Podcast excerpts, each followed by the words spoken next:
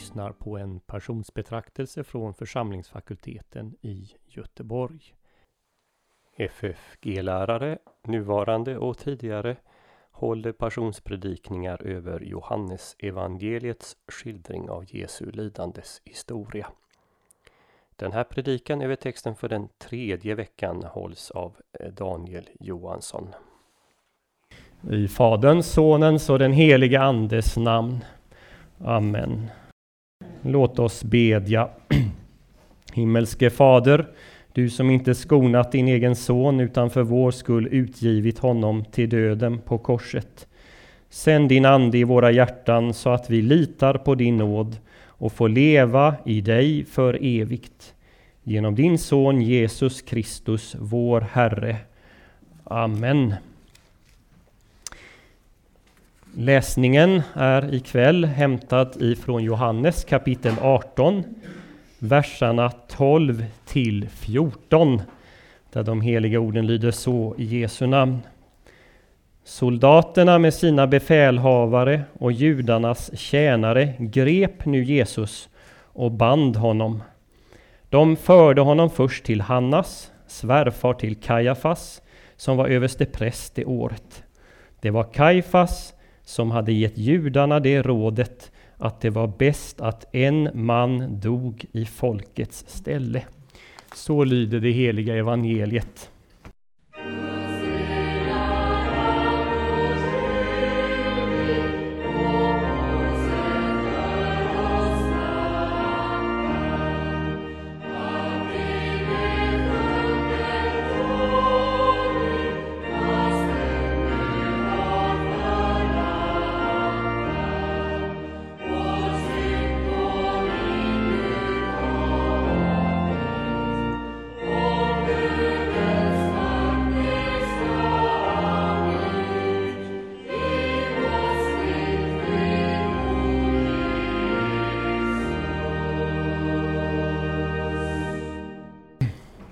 Ber. O gode Ande, led du mig till sanningen och livet. Skriv i mitt hjärta vad av dig i livets ord är skrivet. Styrkt av din kraft, ledd av din nåd. Jag vill ditt kärleksfulla råd i ord och gärning prisa. Amen. Portarna slås upp, en ståtlig gestalt visar sig.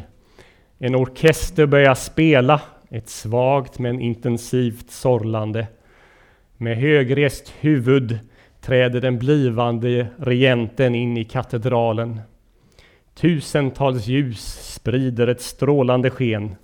Diamanter och ädelstenar gnistrar i alla färger. Långsamt och majestätiskt skrider han upp mot katedralens högaltare. Och sakta har musiken ökat i styrka. Och i ett nu så brister en stor kör ut i ett majestätiskt starkt jubel. Sadok, Sadok the priest, Sadok prästen och Natan profeten smorde kung Salomo. Den blivande konungen, ännu utan krona, ännu utan spira och äppel, fortsätter oförtrutet fram genom massorna av folk som trängs den oändligt långa röda mattan upp mot högaltaret. Och ärkebiskopen av Canterbury och de övriga assisterande biskoparna där framme. Och kören fortsätter att sjunga och allt folket jublade. Trumpeterna blåser sina fanfarer. Han hinner inte ända fram förrän kören börjar utropa Guds välsignelse över den blivande regenten. Det låter som bruset av många stora vatten. God save the king, long live the king. Gud bevare konungen. När Georg Friedrich Händels musik till slut tystnar så sätter sig kungen ner på sin tron. Kröningen av den blivande konungen för det förenade kungariket kan börja. Folken på de brittiska öarna har sedan 1700-talet i nationalistisk yra fått uppleva denna storslagna, stolta ceremoni många gånger.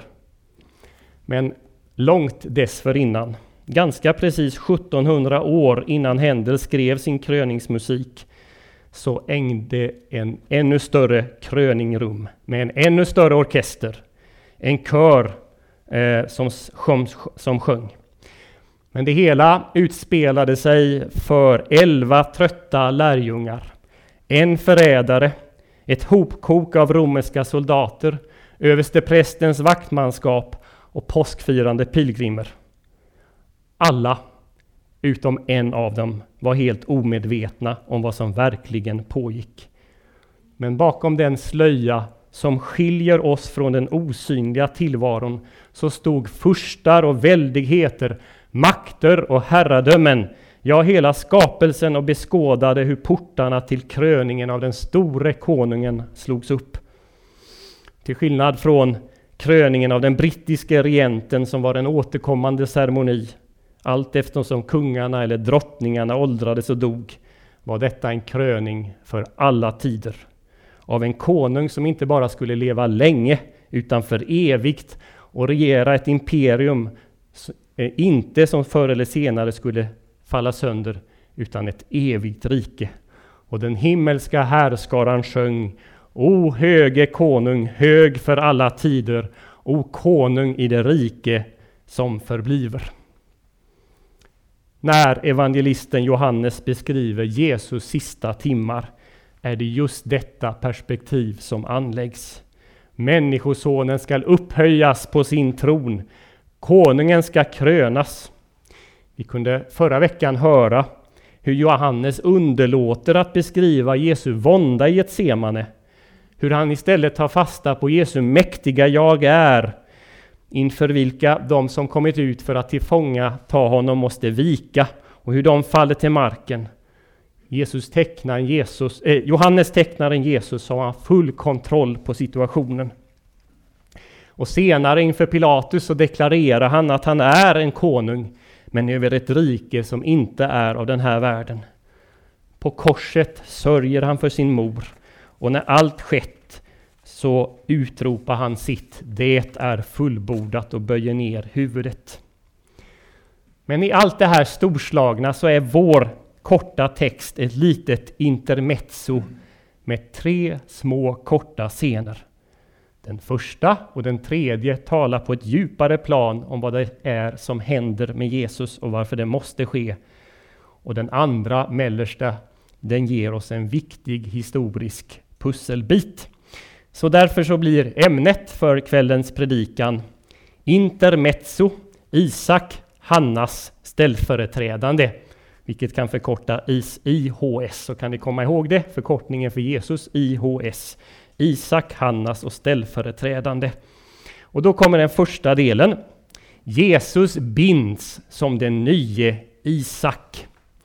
Vi läste först. Soldaterna med sin befälhavare och judarnas tjänare grep nu Jesus och band honom. Alla fyra evangelisterna berättar att Jesus blir tillfångatagen. Men bara Johannes berättar att han redan här i trädgården blir bunden. Matteus och Markus nämner senare att Jesus blev bunden innan han förs till Pilatus. Och nu kan visserligen ordet binda närmast vara en synonym till att gripa någon. Men Johannes noterar just detta att de griper Jesus och att de binder honom. Varför då? Jo, genom hela evangeliet så har de historiska skeenden Johannes berättar om en djupare mening. Hans under, Jesu under, det är ett tecken som pekar på något djupare, en andlig sanning. Och ibland är det så att Johannes hjälper oss på traven. Mose upphöjande i öknen av ormen till exempel. Det är en förebild till Jesu upphöjande på korset. Och det hjälper oss att förstå något av innebörden i Jesu död. När Jesus här, det står om honom att han blir bunden. Ja, då för det tanken till en viktig händelse i Gamla Testamentet. I Första Mosebok kapitel 22, vers 9 så berättas att Abraham band sin son Isak och lade honom på det altare de byggt. Bakgrunden var den här. När Abraham väl hade fått sin efterlängtade, älskade son Isak på sin ålderdom så tycks det inte dröja så länge förrän Gud sätter honom på prov. Isaks födelse berättas i Första Mosebok kapitel 21. Abrahams prov kommer i nästa kapitel 22. Det har tagit nio kapitel från det att Abraham fick löftet om att han skulle få en son till det blir uppfyllt. Men redan i kapitlet efter uppföljelsen så berättas om offret av Isak. Det här skapar ett något förvirrande intryck hos läsaren. Man får intrycket att det var ett litet barn Abraham tog med sig till Moria berg. Nu har vi ingen exakt tidsangivelse hur länge det dröjer i Första Mosebok. Men en noggrann läsning visar att Isak ändå måste ha varit en vuxen man. Många rabbiner menar att han var omkring 37 år. Den judiske historieskrivaren som skriver mm, strax efter Paulus, han angav Isaks ålder till 25 år. I vilket fall som helst så var Isak stark nog och stor nog att bära ett rejält lass med ved på ryggen. Notera att det är Abraham som bär de lätta sakerna, Isak han bär det tunga. Varför är det här viktigt? Jo, det är inte så att Abraham binder ett svagt försvarslöst barn i syfte att offra det. Utan vi har en stark ung man som frivilligt låter sig bindas. Och här i så finner vi flera paralleller till det som sker i ett semande. Jesus och Isak, ja de kanske var ungefär lika gamla. Och precis som Isak låter sig bindas helt frivilligt så låter Jesus sig frivilligt bindas. Vi läste ju förra veckan hur soldaterna först vek tillbaka och föll till marken när Jesus sa sitt jag är. Det är först när han andra gången talar om att det är han de söker som de vågar gripa honom. Och precis som Jesus är Faderns älskade son så är Isak Abrahams älskade son. Och så står de där nu bundna frivilligt. Vad betyder då Isaks bindande och offer? Ja, så kunde judarna faktiskt tala om Isak. Fast det var ju i själva verket ett djur som hade trätt in i hans ställe. Jo, de judiska lärde, de tänkte sig att Isaks frivilliga offer var det som gav kraft till alla kommande djuroffer i tabernaklet och templet, de som Mose gav anvisning om. Den tanken delas inte av vårt nya testamente. Isak är enbart förebilden till den som skulle komma, nämligen Isaks son många generationer senare. Hans verkliga offerdöd, ingen trädde in i hans ställe. Hans verkliga offerdöd på ett kors. Det är däremot enligt Hebreerbrevets undervisning det som ger kraft till alla offer som utförde under Gamla Testamentets tid. Johannes hjälper oss strax att förstå den här saken bättre. Men innan dess ett intermezzo i intermezzot. Och då ska vi tala om Hannas, en av översteprästerna. Och det är det andra vi säger. Hannas, en av översteprästerna. Den bibelläsare som kan sitt gamla testamente men som första gången läser i Nya testamentet torde hoppa till av förvåning i Matteus kapitel 2, vers 4. Där står nämligen att Herodes samlade folkets överste präster. Överste präster i flertal. Inte kan det vara möjligt. Mose lag och hela gamla testamentet talar ju om bara om en överste präst åt gången. Varför då överste präster? Och läser man vidare i evangelierna så kommer man stöta på det där överste präster i pluralis gång på gång. Det är ytterst sällan det står i singularis. Varför är det så? Jo, Johannes han ger oss faktiskt förklaringen här när det står De förde honom först till Hannas, svärfar till Kaifas, som var överste präst det året. Överste präst för det året. Enligt Mose lag var man överste präst på livstid. Men romarna som nu styrde över det judiska folket, de hade tagit sig rätten att tillsätta överstepräster och det kunde ske, ske kanske en gång om året. Nu var det inte så att man bytte överstepräst varje år. En politiskt klok överstepräst, han kunde sitta kvar många år. Men följden blev den här att vid Jesu tid så fanns det flera överstepräster i livet. Det här året så var Kaifas regerande överstepräst och det hade han varit en tid. Men hans svärfar Hannas var ännu i livet och ännu en person med stort inflytande. Hannas han hade blivit överstepräst redan år 6. Det var när romarna hade börjat regera över Judeen direkt genom en landshövding. Efter att Hannas sen blev avsatt år 15 så blev först hans egen son överstepräst och sen något år senare hans svärson Kajafas. Han var överstepräst mellan 18 och 36 och efter det så blev ytterligare fyra av Hannas söner överstepräster. Så Hannas han tycks ha varit en, ett överhuvud för en översteprästerlig klan. Och säkert var han den som informellt fattat många av de viktiga besluten. Hans ställning innebar både en politisk, ekonomisk och religiös makt. Därför är det inte så konstigt att det till Hannas Jesus först förs för ett informellt förhör innan man samlar judarnas stora råd för ett mer officiellt förhör. Nu är det så att det är bara evangelisten Johannes som berättar den här detaljen.